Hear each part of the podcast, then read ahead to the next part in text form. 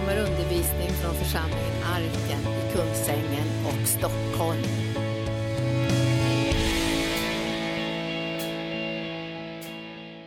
Så underbart att få sjunga Du är stor.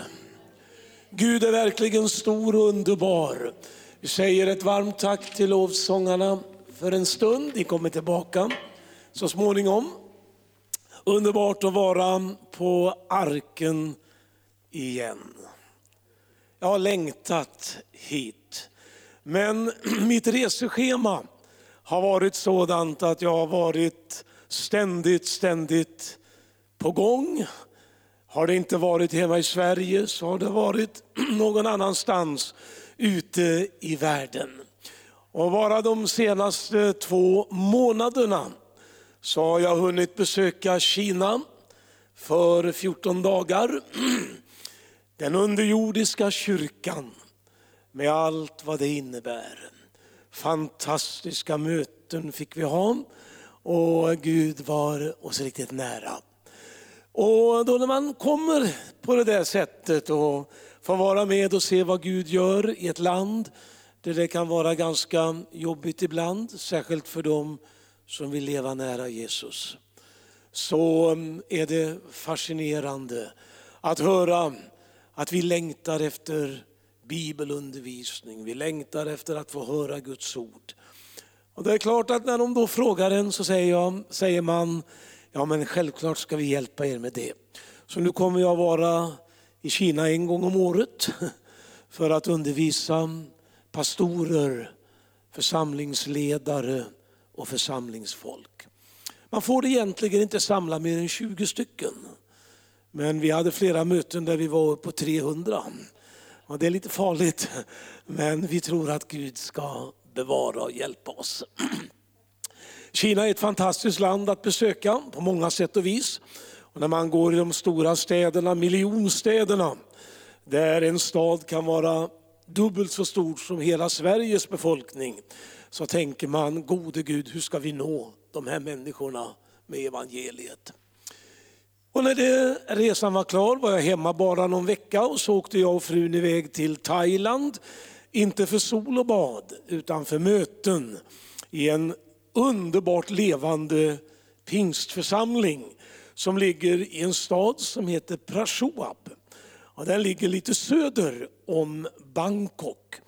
Och det är en inte alltför stor stad med eh, thailändska mått är det väl nästan en by för det är mellan 60 och 100 000 invånare där, ungefär stor som Örebro. Knappt så stort som Örebro, där jag kommer ifrån. Men där finns en pingstförsamling idag som fungerar på ett fantastiskt sätt. Det är så underbart att komma till vännerna där och se hur församlingen växer undan för undan. Hur man bygger ut nya kyrkor överallt i område efter område efter område.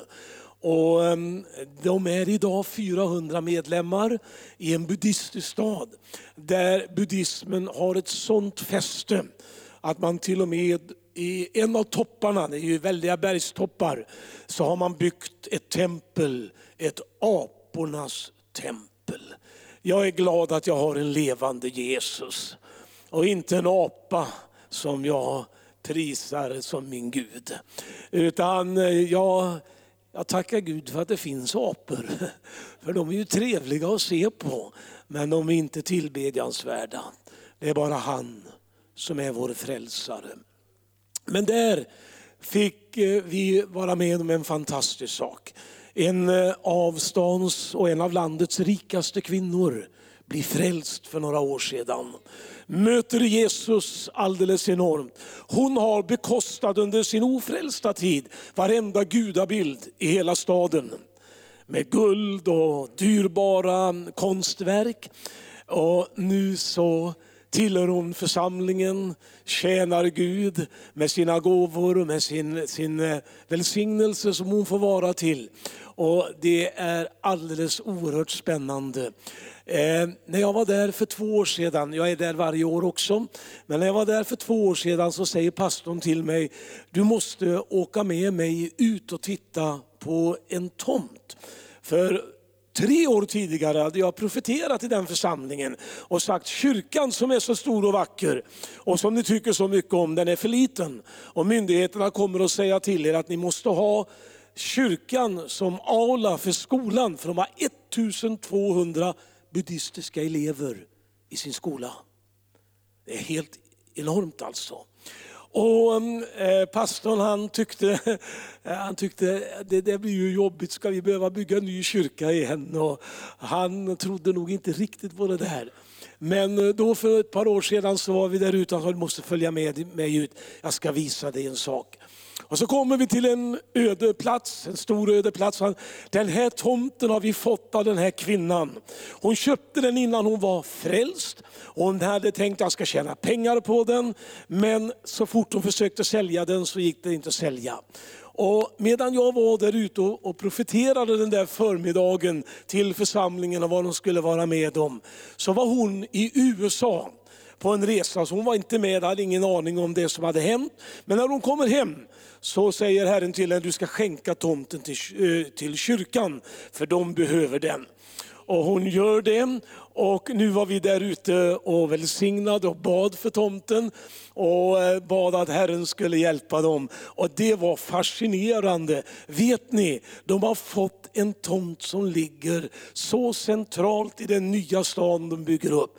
Alldeles intill tomtmarken intill bygger man det nya stora universitetet. Och där har församlingen nu eh, planer på att bygga sin nya härliga kyrka. Det är spännande att vara med i Guds rike. Och bara här för några veck någon vecka sedan så kom jag hem ifrån två resor i Afrika. I eh, eh Etiopien och i eh, Tanzania där det brinner en underbar väckelse. I Tanzania hände någonting väldigt roligt. Vi tyckte det var roligt, vi som har varit med på möten exempelvis här i Arken, när Jens Garnfeldt var här. Och han ropade fire. Det var inte alla som gillade det, men i Afrika gillar de det. Och de, de har inte hört Jens Skanfeldt men de ropar fire så det ekade om det. Och pastorn han, han proklamerade elden ifrån himlen. Så, så det var jätteroligt. Och vet ni, vi får be med skaror av muslimer till frälsning. I det område i Dar es Salaam där där vår pastor Jeremias Lokiko arbetar. Där är bara bara muslimer i stort sett som är frälsta. Som tillhör församlingen, har mött Jesus och kraften i detta välsignade namn. Etiopien ska jag tala om lite mera när jag har talat Guds ord av en alldeles speciell anledning. Underbart att vara här. Tack kära Gunnar och tack Linda. Vi har ju, jobbar ju tillsammans och även om jag är en av de där deltagarna i nätverket för väckelsekristendom och är lite dålig på att vara med, så beror, det, så beror det alltså på att jag eh, är ute på andra uppdrag. Och när man har kommit till de där åren som jag är, så man har hunnit bli 73, Äh, då, då känner man, gode Gud, eh, jag har bara några år kvar och nu måste jag ge järnet. Jag tänker inte sitta i den religiösa gungstolen och gunga fram och tillbaka och säga det var bättre förr. Jag tänker vara med och se Herrens välsignelse flöda över oss idag. Så tack för gemenskapen. Och jag kommer nog att hemsöka, eller besöka, vilket ord ni vill använda, det är upp till er. Men jag kommer nog att, att försöka vara här lite oftare om, om, jag får, om jag får möjlighet till det. Det känns fantastiskt roligt. Vi har haft er Linda på vår konferens nere i Småland flera år faktiskt. Och vi har alltid varit så, så glada för det besöket. Eh, nu vet jag inte om du kallade i år eller? Nej, jag, jag, jag tittade på den där affischen, jag såg inte din bild där men jag hade för mig att de hade bett dig men det är möjligt att jag har fel. Men i så fall kommer du ju nästa år. Så det är ju inga problem. Utan du är alltid välkommen. Och tack för att eh, du kommer till oss i Smålandskonferensen som bara växer och växer undan för undan. Ja, då ska vi gå till Guds ordet. Tidigt idag på morgonen, klockan var strax före fem, så väcker Herrens ande mig med ett bibelord som jag har läst hundratals gånger. Ja, kanske ännu fler gånger. För varje gång man öppnar sin bibel i Nya Testamentet kommer man ganska snart till första Korintierbrevet. Och så läser man om den första församlingen som planterades i Korint, i denna väldiga stad. Denna stad som så mycket påminner om vilken stad som helst i vårt eget land Sverige med all dess smuts och synd och allt dess behov av att få röra vid Herrens kraft. Och Paulus han skriver på det här viset ifrån den första versen. När jag kom till er, mina bröder, var det inte med stor vältalighet eller hög visdom som jag predikade Guds hemlighet för er. Jag hade nämligen bestämt mig för att när jag var hos er inte veta av någonting annat än Jesus Kristus och honom korsfäst. Svag och rädd och mycket orolig kom jag till er. Och mitt tal och min predikan bestod inte i ord som skulle övertyga genom mänsklig visdom, utan genom en bevisning i ande och kraft. Vi ville inte att er tro skulle bygga på människors visdom, utan på Guds kraft. Amen. Jesus, jag ber dig att du genom din heliga Ande ska beröra oss den här kvällen. Helig Ande, öppna mitt hjärtas inre så jag fullt ut förstår vad du vill säga oss den här kvällen. Helig Ande, jag ber dig, smörj mina öron att jag kan höra varje suck, varje viskning från dina heliga läppar. Helig Ande, jag ber dig, smörj mina egna läppar till att tala ditt ord och ingenting annat. Jesus, tack att du är med oss den här kvällen. I Jesu namn. Amen.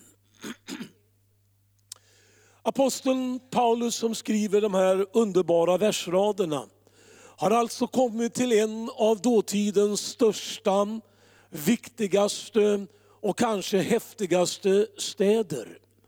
Han eh, upplevde svagheten, svårigheten, rädslan, oron för att eh, inte lyckas i den stora staden att predika Gudsordet.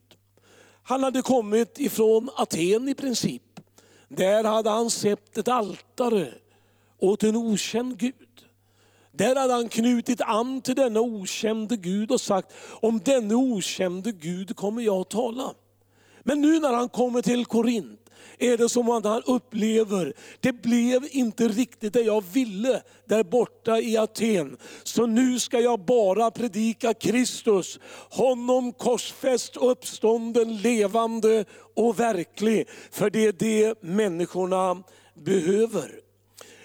Det var en storstad känd för sin materialism, känd för sitt syndaliv, för sitt utflödande liv i smuts och elände. Och det var en stad där också den judiska befolkningen var motståndare till det arbete som Paulus kom för att göra.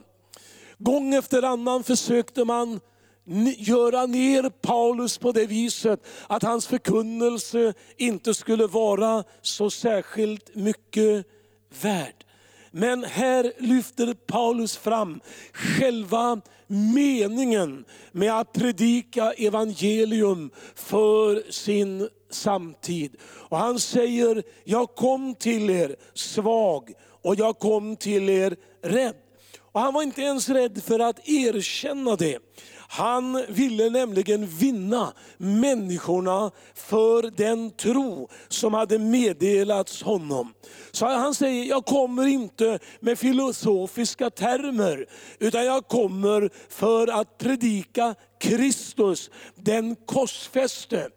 Och det är det budskapet jag skulle vilja ge er älskade vänner ikväll.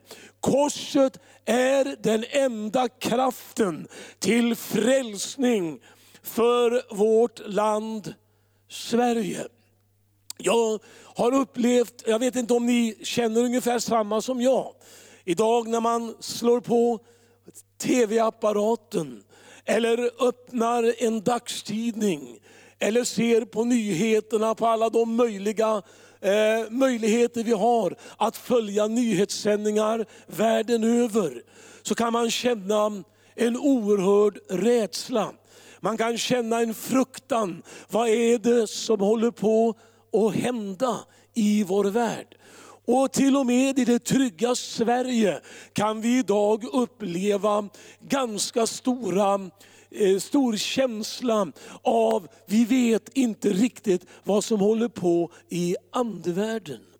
Men jag vet en sak som jag har väntat på, och som jag längtar efter och som jag faktiskt börjar se ske nu med en förnyad styrka. Nämligen detta att vi börjar predika Kristus för folket igen.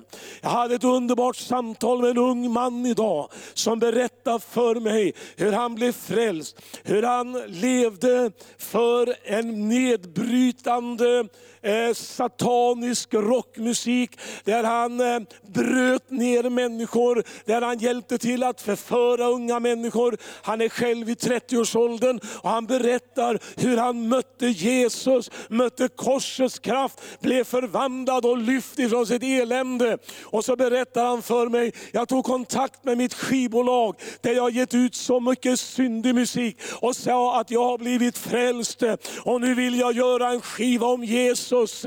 Och han gjorde en provinspelning och bolaget säger, den skivan ska vi ge ut, den är jättebra. Halleluja! Det är någonting på gång i landet mina vänner. Jesus håller på att bli aktuell igen. Ungdomarna frågar efter Jesus idag. Jag och min fru åkte ner till Skåne. Vi har en, eh, vår yngste son nere i Helsingborg, eller en liten bit utanför staden. Och vi stannade i Jönköping. Det är ungefär halva vägen och vi tycker det är bra att stanna och ta en liten rast där, äta lite grann innan man kör vidare. Och där sitter vi och äter. Plötsligt kommer det fram två killar. Och de här pojkarna, de säger, men är inte du Birger Skoglund? Jo, säger jag väldigt förvånad och undrar, hur i all världen kan de veta vem jag är? Eh, för jag kände alltså inte igen dem. Men de berättar om att de hade varit på Smålandskonferensen en lördagkväll och lyssnat till förkunnelsen och blev tagna av Gud. Och plötsligt så säger de så här, det var ju vid alldeles före jul, det var julhandel. Det var så mycket folk överallt som man fick tränga sig fram. Så säger de, får vi välsigna er? Och vad säger man då? Man, man, säger ju inte, nej det passar sig inte riktigt här. Det är ju så mycket folk runt omkring. Utan man säger, jo men det går väl bra. Och om de åtminstone hade stått upp, men det gör de inte, de böjer sina knän. Och så lyfter de händerna och så börjar de välsigna den gamle predikanten och hans hustru med hög, hög röst. Alla hör vad de beder och folk börjar samlas omkring oss. De står och stirrar på oss och undrar om vi är utsatta för något övergrepp. Men de ser att vi ler och att vi gråter och att vi är jublande och glada och upplever Herrens härlighet. Och vet ni vad som händer? Plötsligt står en hel publik, kanske 100-150 personer runt omkring oss. Och när de är färdiga börjar de applådera. Det är första gången jag har fått applåd efter förbön. Det är första gången jag har fått applåd efter välsignelse. Men det kommer att bli ännu mer framöver tror jag, då Herrens härlighet kommer att vila över våra städer, över våra byar, över våra församlingar. Då korset predikas, korset där Jesus gav sitt liv. Halleluja! Sångaren sjunger ju det, korset där Jesus gav sitt liv. Det är min glädje och min ära. Korset, kärlekens sköna symbol, det är för alltid sången i mitt liv. Ibland kan jag uppleva att man monterar ner korset. Man monterar bort, man säger tala inte så mycket om korset. Men ska vi vinna seger i det här landet behöver vi predika korset och korsets underbara kraft. Det Jesus gjorde för oss på Golgata, det är absolut det starkaste som historien överhuvudtaget känner till. Och, och vet du, när man, när man ser på det här bibelordet så upplever man bara att det finns någonting i korset som är så oerhört tilldragande. Det, det, det, bara, det bara fångar ens hjärta om man förstår att Gud är i korset och uppenbarar sin kärlek där vid korset om styresmännen i Israel, om de onda andemakterna hade förstått, om Satan hade begripit vad, hur Guds planer var, skulle de ha gjort allt för att inte få Jesus till korset. Men de trodde att de hade segrat och de hade kanske en jätte fäst nere i helvetet när Jesus säger det är fullbordat. När han ger upp andan och säger i dina händer befaller jag min ande. Då jublade de. Men plötsligt sekunden efter kommer han levande in i döden och dödsriket. Tar nycklarna ifrån djävulens händer och säger jag segrade, du förlorade. Ära vare Gud och Lammet. Vi har en segrare. Han heter Jesus av Nasaret. Alltså, alltså om det här går upp för oss, då kommer, då kommer, då kommer vi att, att, att prisa Gud så vi lyfter kyrktaket på arken. Då säger Gunnar, nej tack säger Gunnar, jag vill inte bygga om kyrkan. Men jag tror att Gud vill lyfta någonting annat. Gud vill lyfta vår andestak så att inte den liksom pressar oss neråt. Utan att vi istället ser himlen är öppen över Guds folk idag. Och vi kan räkna med att när vi talar om korset, då kommer kraften att visa sig i, i härlighet och i Guds omtanke. Vet du, August Strindberg, Denne, denne gudsförnekare nästan ända in i död, döden säger, när han ger order om vad som ska stå på hans gravsten, så säger han, nu har han plötsligt sett någonting annat. Nu är han på väg att gå över gränsen. Då säger han, på min gravsten ska det stå, var hälsad kors mitt enda hopp. Det finns inget annat hopp för Sverige än korsets kraft och korsets välsignelse. Ni har allesammans hört vad som händer nere i Malmö för två år sedan i, i Smålandskonferensen på lördagskvällen så lyfte jag fram ett antal städer. Jag gjorde det offentligt. Jag upplevde att Guds ande var över mig på ett sånt otroligt starkt sätt. Och jag säger Malmö, Malmö, Malmö, vad vill du göra åt din framtid? Tänker du säga nej till Gud? Tänker du eh, håna Gud och Guds folk i fortsättningen? Malmö, då kommer nödtider över dig som stad. Och jag, är, jag tycker det är som att hjärtat vill snörpas när man ser vad som håller på att hända i den staden. Därför att ondskan har tagit sitt grepp. Men vet du, jag vet en annan som har ett starkare grepp och som kan lyfta Malmö, som kan lyfta Stockholm, som kan lyfta det religiösa Örebro, som kan lyfta stad efter stad i det här landet. Och vi behöver en lyftning av Jesus Kristus och hans underbara frälsningskraft. Då kommer vi få se trasiga äktenskap helas. Då kommer vi få se, eh, eh se drog, drogmissbrukare bli frigjorda. Vi behöver en större kraft. Vet du, när jag läser eh, biblisk, eller rättare sagt kristen historia genom tiderna, så ser jag att människor blev frigjorda på ett helt annat sätt för ett antal år sedan än idag. Och kanske beror det på, bli inte ledsna när jag säger det, för jag menar inget ont, men kanske beror det på att vi inte har kraften att föda fram dem till ett nytt liv. Vi behöver be Gud att vi kan predika korsets kraft så kraftfull så att människor blir befriade ifrån Satans alla band att binda och förstöra och fördärva människor.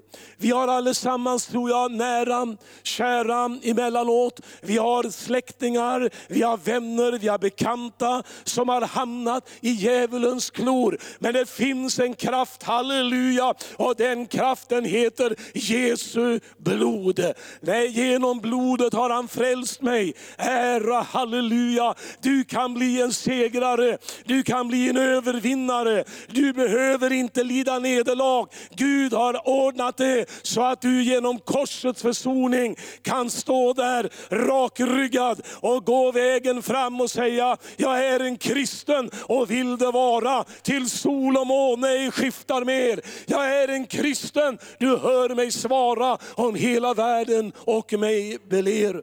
Det här, det är det budskap vi behöver. Vi får aldrig sluta att tala om korset och om dess underbara kraft. För segern på korset, det gäller också idag. Det är spännande att se vad Gud gör. Därför att korset, frälsningen, berör hela människan. Jag tackar Gud Linda, att du har skrivit många böcker om helande. Jag har läst dem med stort intresse. Tårarna har ibland runnit för mina kinder. Och jag säger tack gode Gud att det finns människor i det här landet som fortfarande tror att vi kan be trons bön för den sjuke och han reser på sig. Det är nämligen det som ligger i försoningen. När Jesus dog på Golgata tog han hela människan. Han spikade all dess elände på korset. Han naglade fast det där och du och jag är fria i namnet Jesus. Det är nästan värt ett litet halleluja.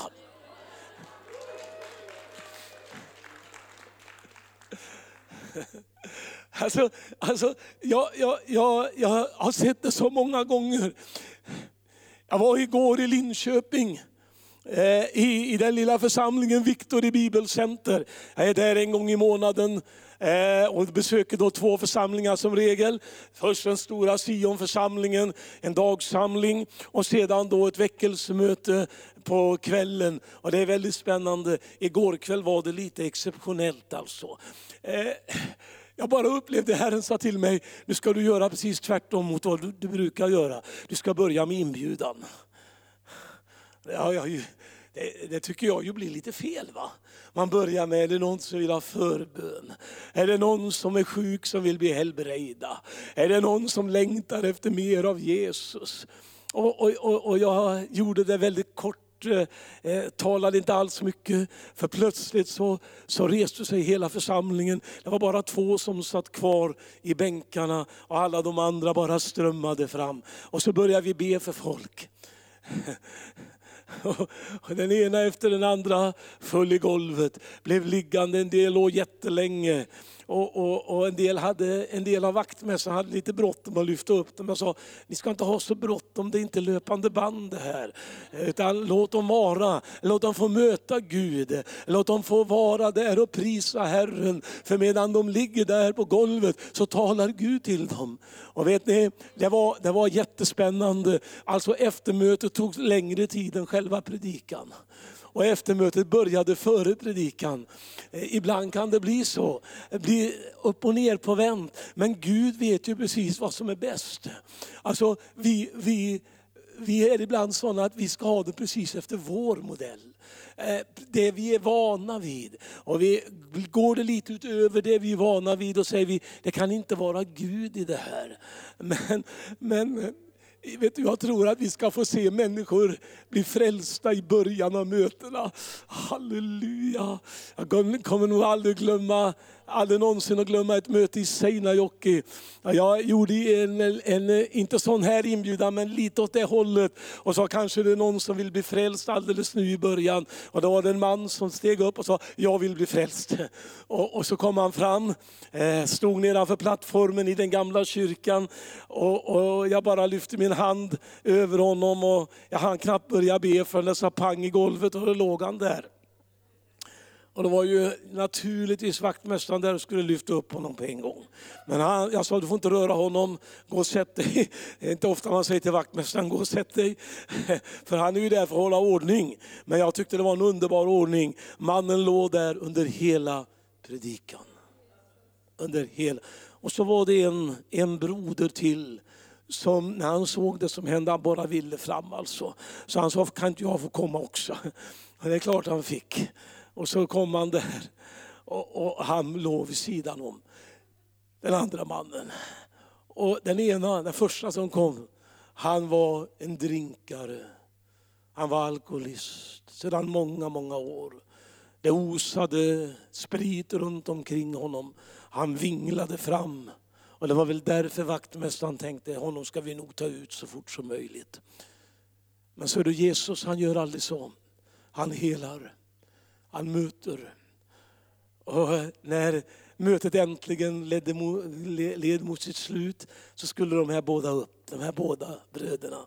Och han den här som hade kommit vinglande vägen fram, han, han reser på sig utan några problem. Man kan inte känna doften av sprit ens en gång. Han är fullkomligt befriad. Han, han, bara, han bara jublar. Han talar i nya tungor, han prisar Gud. Det, det, det är en sån jubelsång omkring karln. Och den andra, han som var så fint klädd, så proper, nykter och skötsam på alla sätt och vis. Han kom inte upp. Han försökte fem gånger och kommer ändå inte upp. Och då får den där stackaren som kom först syn på honom. Då går han till honom och säger, kom ska jag hjälpa dig upp. Jag har varit så många gånger, sa han. Och då när, när, vi, när han kommer upp där så säger han, jag måste få berätta någonting. Så säger han, jag är kyrkoherde. Här utanför, i en liten by. Jag sa till min hustru, nu ska jag gå till det där pingstmötet om inte jag får möta Gud nu så kommer jag aldrig predika mer. Jag orkar inte se syndaslavar komma och jag ska be för dem och jag får inte igenom dem till en befrielse. Jag måste få möta Gud. Och så får han möta Herren på detta underbara sätt. Låt mig säga dig, det finns kraft i Jesu blod och sår. Det finns kraft i namnet Jesus. Och när vi lyfter fram detta underbara sköna namn, då kan människor bli befriade. Det är ganska märkligt att fienden gärna vill att vi ska tala så lite som möjligt om Jesus. Så lite som möjligt om blodet. Men är det någonting vi ska lyfta fram så är det försoningens budskap. Blodet som renar från all synd och blodet som helar från alla sjukdomar. Det betyder, förstår du vad Jesus gjorde, att en alkoholist och drinkare kan bli frigjord under ett möte, under ett och samma möte. Den karln har aldrig fallit tillbaka någon gång. Han har gått spikrakt med Herren efter det första mötet.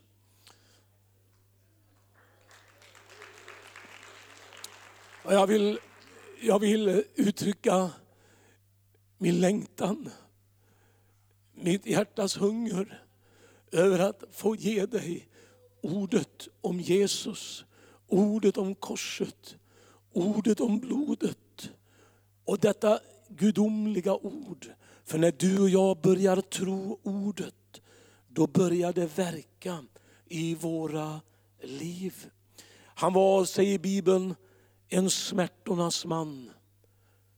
Förtrogen med krankhet så föraktad, står det i Jesaja 53, att vi höll honom för intet. Det var Jesus. Men det var vår synd han tog. Det var vår smärta han bar. Det var våra sjukdomar han tog på sig.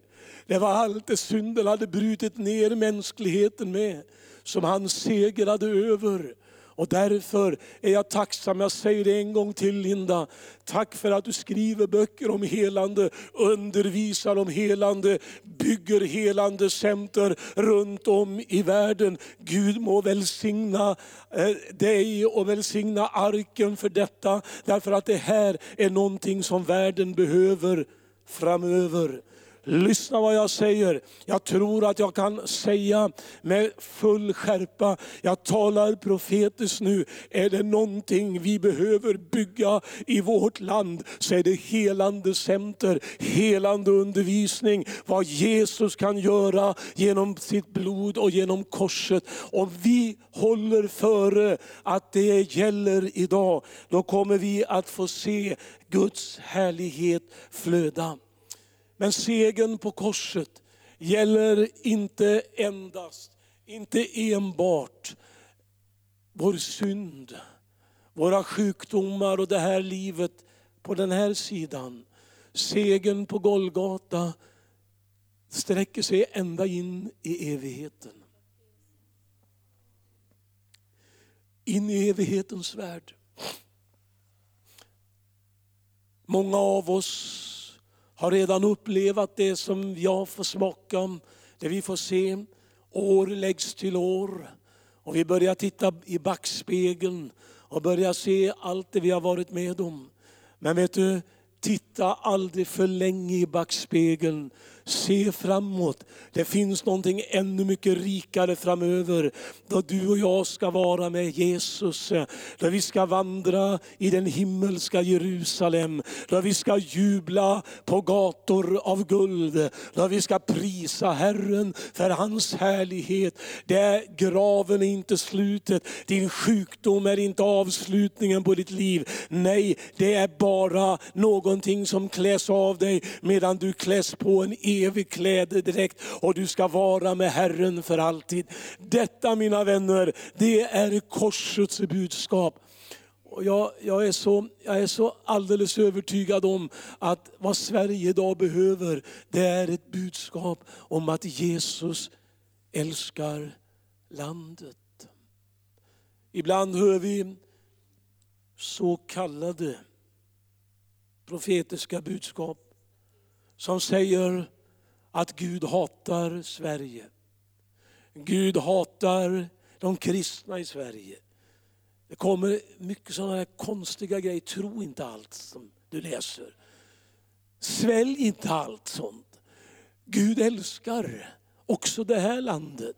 Trots vår synd, trots vår bortvändhet från Gud, så älskar han det här landet. Och han har lovat det här landet en besökelsetid ifrån norr till söder, från öster till väster.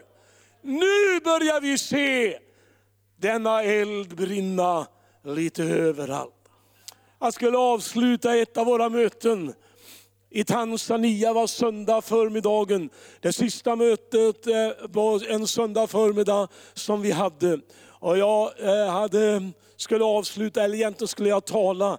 Men jag sa det räcker så väl med det som redan är predikat. Så nu går vi direkt in i avslutningen. Och plötsligt möter Herren mig med ett ord som jag, jag, jag, bara, jag bara kände mig alldeles, alldeles förkrossad. Vad var det för ord säger du? Jo, det är ordet som Petrus citerar den första pingstdagen. Det ska ske därefter att jag ska utgjuta min ande över allt kött. Och så säger han, där ett uttryck, för en Herrens dag kommer den stora och härliga. Och direkt börjar den heliga ande röra vid mig. Det står inte riktigt så i, i Joels profetia. Så jag öppnar Joels profetia och där står det innan Herrens dag kommer, den stora och fruktansvärda. Och plötsligt börjar jag säga, Herre, ge mig ljus över textorden. Ge mig ett nytt ljus över det här. Och plötsligt så hör jag den heliga Ande tala så starkt. Och den heliga Ande bara säger, det finns två sidor av den här texten. Du ska se tecken i skyn, du ska se tecken på jorden, blod, eld och rök. Och jag har ju alltid, alltid från barnaåren läst de här texterna, hört predikningar över dem. Och man talar om ett tredje världskrig, man talar om blodbad och man talar om rök, rykande ruiner och allt detta. Så säger Herrens ande till mig, du måste se att jag gör skillnad mellan världen och mitt folk. Och så får jag börja tala om blodets tecken över en hel värld. Det blod som Jesus göt på Golgata. Och plötsligt började koka i hela mötet. Det var så att jag tänkte, men hur ska jag... De, de kommer att springa ner mig allihop här. När jag bara talade om blodet. Hur ska det bli när jag talar om elden? Hur ska det bli när jag talar om röken? Och, och jag såg att folk de satt liksom bara färdiga. Det var som att de väntade på signalen, nu får ni komma. Och, och, och jag, jag, jag, bara upplevde Gud håller på på ett alldeles särskilt sätt. Och så talade jag om blodets tecken. Jag berättade om Brasilien. 1954 satt jag som en tioåring och hörde våra Brasilien-missionärer tala om, vi är nu fyra miljoner tungomålstalare i Brasilien. 1954, vet ni hur många de är i år? De är 40 miljoner.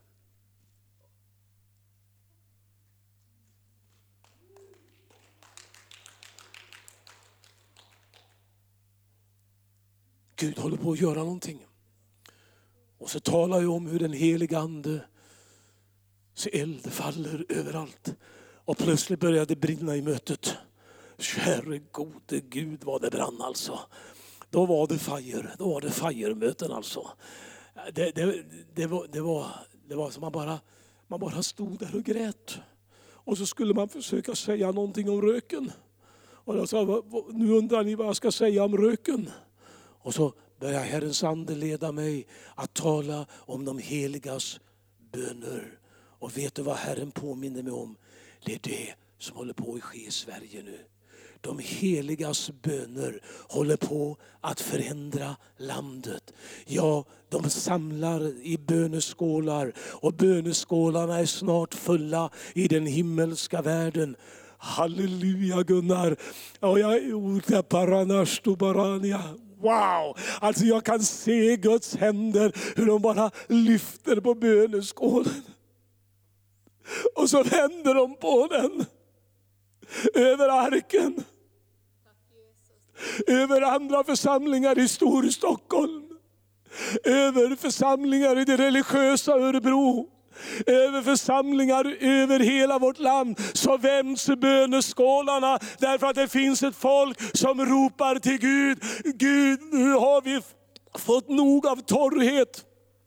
Nu har vi nog av torka, nu behöver vi ett andens regn. Och så börjar det regna och det börjar falla Guds heliga ande på grund av en enda sak, Jesu fullkomliga seger på Golgata kulle. Halleluja! Det är därför som jag predikar och det är därför jag tror att Jesus ska komma. Halleluja. Jag kan se i anden jag kan se anden. Jag kan se den heliga ande. Den här kyrkan så packfull med folk där borta, hela vägen runt om, så packfull med människor ifrån det här området och ifrån delar av Sverige som söker Gud. När de får höra talet om korset är visserligen en dårskap för de som går förlorade, men för oss som blir frälsta är det en Guds kraft. Halleluja! Halleluja! Ni ska få se skador av invandrare bli frälsta. Skaror av invandrare kommer bli frälsta. Skaror av förnäma, fisförnäma svenskar kommer att bli frälsta. Skaror av duktiga svenskar som tror att de löser varenda problem själva kommer att behöva möta Jesus. Till och med våra politiker som tror att de begriper allt kommer att behöva möta Jesus. Ja, jag, jag, jag, jag vågar säga det här. Jag vågar stå för det också. Vi behöver en helt ny ådra i politiken. Vi behöver Jesus in i vår regering. Vi behöver Jesus in i riksdagen. Vi behöver Jesus in i vår utrikesminister och vår statsminister och vår ekonomiminister och allt vad de heter. Vi behöver Jesus över hela linjen. Vi behöver korset och blodet. Vi behöver kraften ifrån Golgata. Och det är bara du och jag som kan hälsa den välkommen. Halleluja. Ingen annan kan välkomna den kraften. Det är bara Guds folk som kan göra det. Men vi säger Herre, jag står till ditt förfogande. Kom andens eld över mig. Kom med kraften ifrån Golgata. Vill du vara med? Längtar du efter det här? Hungrar du efter det här? Jag tror att du har en sådant behov av att röra vid Jesus. Att du bara säger Herre, det får bli vad som helst. De får kalla mig dåre, fantast eller vad de vill. Men jag ska bara fram, jag ska bara möta dig, jag ska bara ha det. Jag tänker inte finna mig med att längre stå längst bak i kön och vänta och vänta. Vi sjunger ibland i en sång, jag tycker inte om den. Vi måste vänta, vänta, vänta på Gud. Hur länge ska vi hålla på? Nej, underbart! Alltså vi ska ju inte hålla på så, vi måste vänta, vänta. Vi har ju väntat i 40 år. Det måste vara slut på dumheterna. Nu måste vi säga Herre, nu går vi fram till dig, till nådens tron och upplever din härlighet, din mäktighet, din väldighet. Om vi ska överhuvudtaget förändra landet. Och vi ska förändra landet. Vi ska ta det här landet. Va? Är ni med? Eller tänker ni, ja det får det väl du göra själv då. Ja, då gör jag, Gunnar och Linda det i så fall.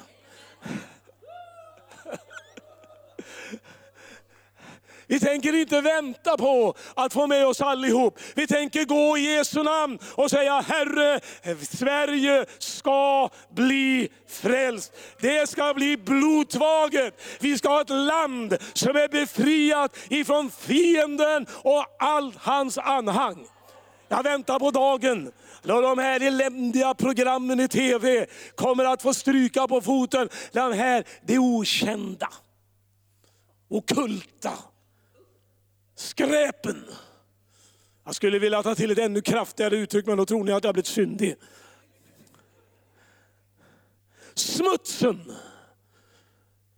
När man kallar på människor som leker med det okulta. Eller föräldrar som talar om barnen, sitt barns förra liv. Fruktansvärt alltså. Det går bra. Det går väldigt bra. Men om vi ska ha en gudstjänst, då får du inte tala för mycket om korset. Inte om du ska vara på tv eller radio. Då ska du ha lite nära världssånger. Så nära världen som möjligt. Men vi behöver någonting helt annat. Vi behöver nu resa på oss och säga nu får det vara nog. Nu ska vi söka Gud av hela vårt hjärta, av all vår själ. Det är mitt budskap ikväll till denna härliga församling. Halleluja. Kan du se framför dig, kan du se framför dig lokalen fullsatt? Va? Kan du se det? När jag predikar på tv, då ser jag inte en tom ruta framför mig och en, en ensam mikrofon. När jag predikar ser jag skarorna av människorna framför mig. Och jag bara tänker halleluja, nu når jag hundratusen människor i ett enda möte med evangelium. Då duger det inte att komma med lite blaha. Då behöver vi någonting annat. då behöver vi det fulltoniga evangeliet om Jesus Kristus. Halleluja. Ska vi gå in för Guds ansikte? Ska vi söka Guds härlighet ikväll? Ikväll, ikväll vill Jesus röra vid oss. Halleluja. Är ni beredda? Vi ska strax gå in i en inbjudan, men vi ska sjunga, jag ska be, jag ska be lovsångarna gå upp på plattformen. Jag har nämligen fått löfte. Jag har sagt så här till Gunnar och Linda. Så långt jag vet har jag inte tagit något betalt någon, ja en enda gång tror jag. När jag har varit här under alla åren. För jag har bara känt att jag vill bjuda på det. Jag mm, tror att Gud försörjer ändå, det har han gjort. Men jag har bett att få göra en offerinsamling ikväll. När jag var i Etiopien, och då kom jag dit, så möter vi en helt nystartad församling. Den startades för fem år sedan, tre personer. Pastor Deres, hans hustru och en till. Tre stycken startade en församling. Idag är de 800 medlemmar, fem år senare. När vi var där förra året var vi med och bad till Gud över deras tomt som de hade fått av myndigheterna. Och i år hade vi våra möten för första gången i kyrkan. Det var inget vackert golv med mjuka mattor, det var grus bara. Men väggarna var upp och taket var upp och talarstolen var upp och alltihop det där. Och vilka möten vi hade. Vilken eld som brann där. Men så såg jag att några väggar inte var färdiga utvändigt. Och jag frågade pastorn, när tänker ni göra dem klara? Han sa, vi måste nog göra det i sommar så att inte de blir förstörda av regn och, och sådant, så tränger in emellan stenen. Så jag sa, vet du vad, den, vad kostnaden kan ligga? Och då sa de, det, vi räknar 15 000 svenska kronor kan det kosta att putsa upp det. Det är ganska stora ytor. Och ehm, jag lovade på stående fot, vi ska hjälpa er med det. Så den här veckan när jag är ute och har möten så samlar vi in just för det. Vill ni hjälpa oss med det så är jag oerhört tacksam. Och tack kära Linda och Gunnar för att ni tillät mig göra det här. Jag tror nämligen på det här att vi, när vi välsignar andra, välsignar Gud oss.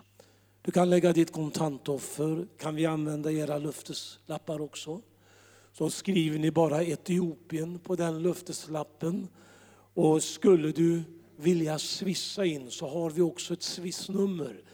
Och ehm, jag kan väl läsa det så kanske vi kan Eh, vårt swissnummer på TG är 123 512 88 97.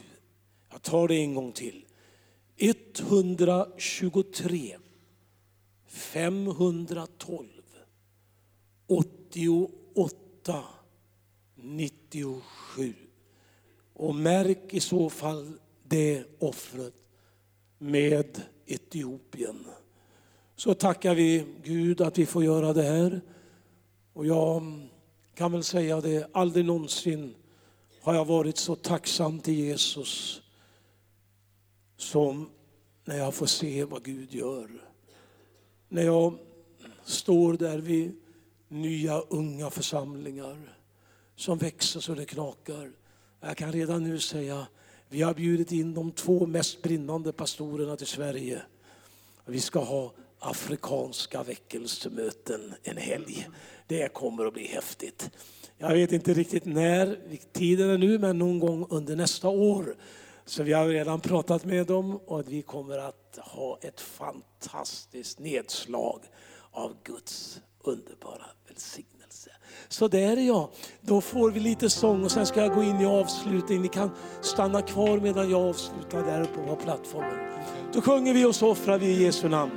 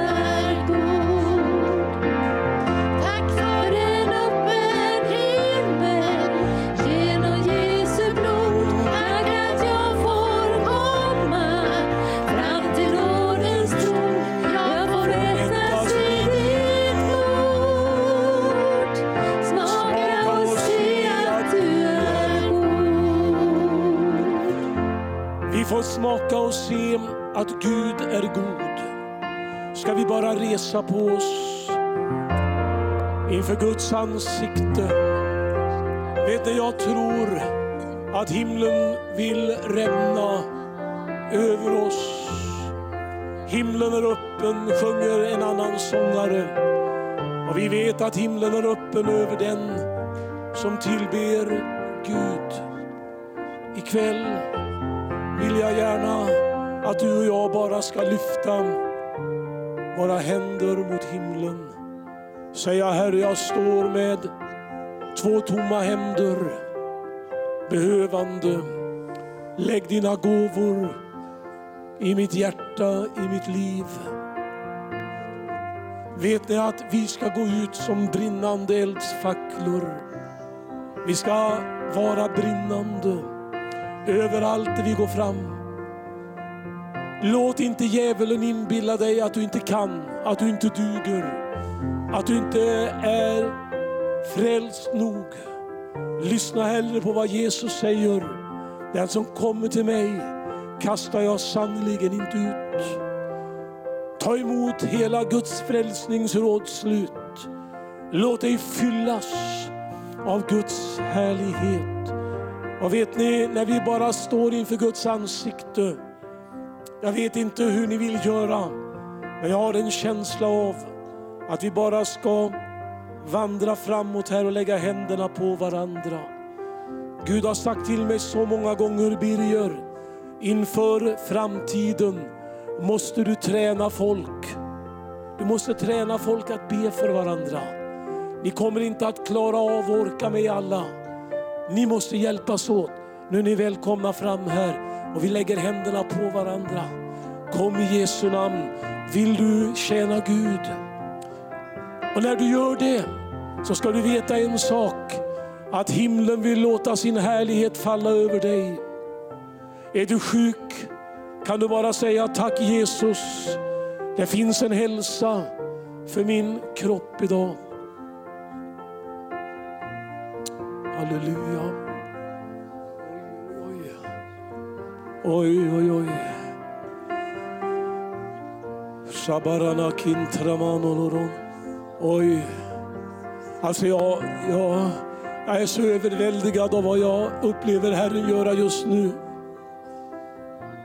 Herren talar till mig, säger att det är fem stycken, fem stycken, fem stycken personer här som har skada, en skadad ryggrad, skadade kotor.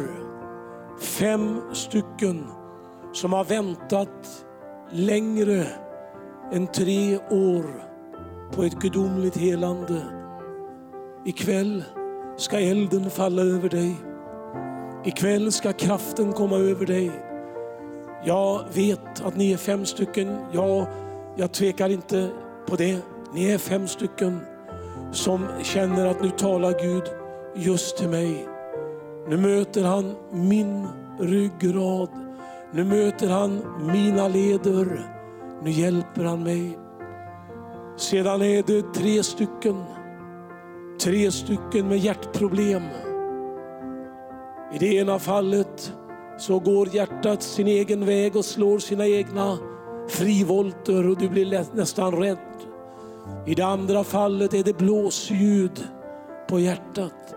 Men Jesus helar dig just nu. Fem plus tre är åtta. Men Gud vill göra än mer. Han vill låta sin heliga ande falla över er allihopa. Halleluja, halleluja. En andekraft fyller er så till den grad att nu kan du bara börja prisa Jesus. För när du börjar hylla honom och du lyfter din längtande hand så vet du att han rör vid dig. Han fyller dig. Då vill jag bara se er fem. Ni kan vinka lite på det här viset. Ni fem som har det här bekymret att tala med ryggen. En, två, tre, tre, tre, tre, fyra och fem. Bra. Tack Gud, rör redan vid mig. Kan bara redan, ni kan bara redan börja tacka Jesus. Ni tre med hjärtat. Jag vill se en, det ska finnas två till, två och tre. Ja, det är ju helt, det är ju, det är ju sanslöst alltså. Så gör Gud förstår ni. Och nu, nu, nu lägger ni bara händerna på varandra. Och du bara tackar Jesus att han vidrör ditt hjärta.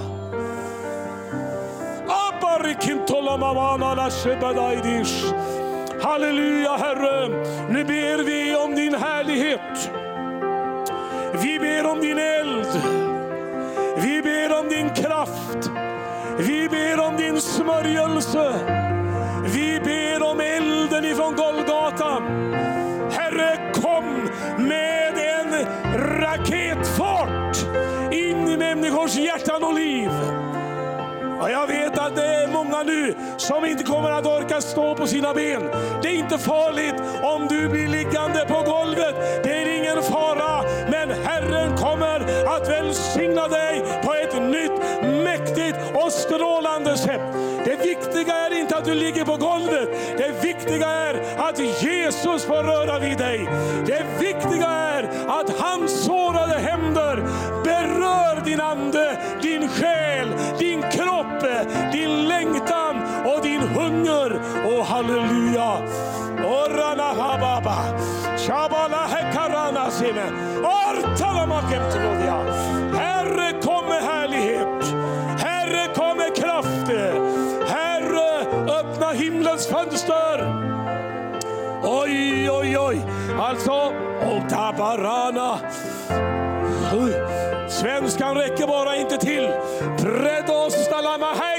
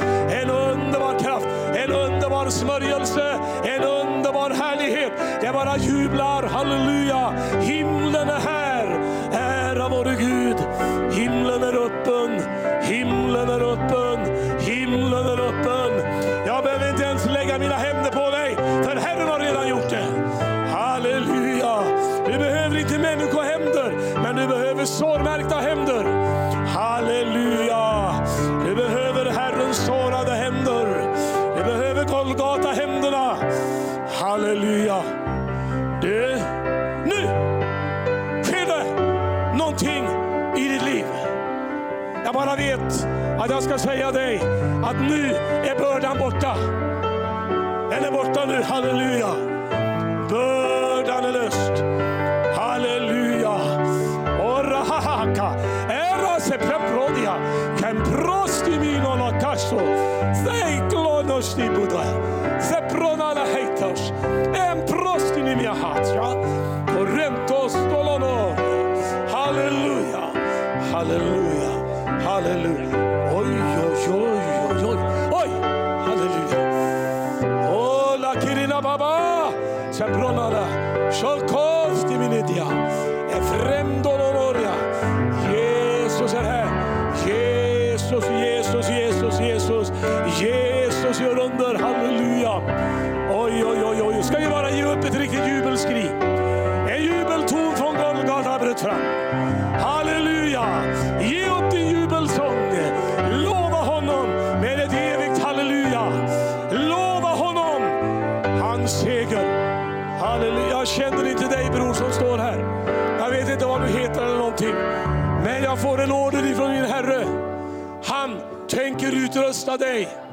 Starkare, mäktigare än du någonsin har varit med om. Nu sker det någonting i ditt inre som du aldrig kommer att glömma. Nu sker det du har bett om. Nu får du det du har längtat efter. Men du får mer än vad du har vågat be om. Du får mer än vad du har vågat längta efter. Halleluja! Mästaren ifrån himlen är här. Nu vill vi sjunga någon riktigt rivigt jublande segersång. Halleluja!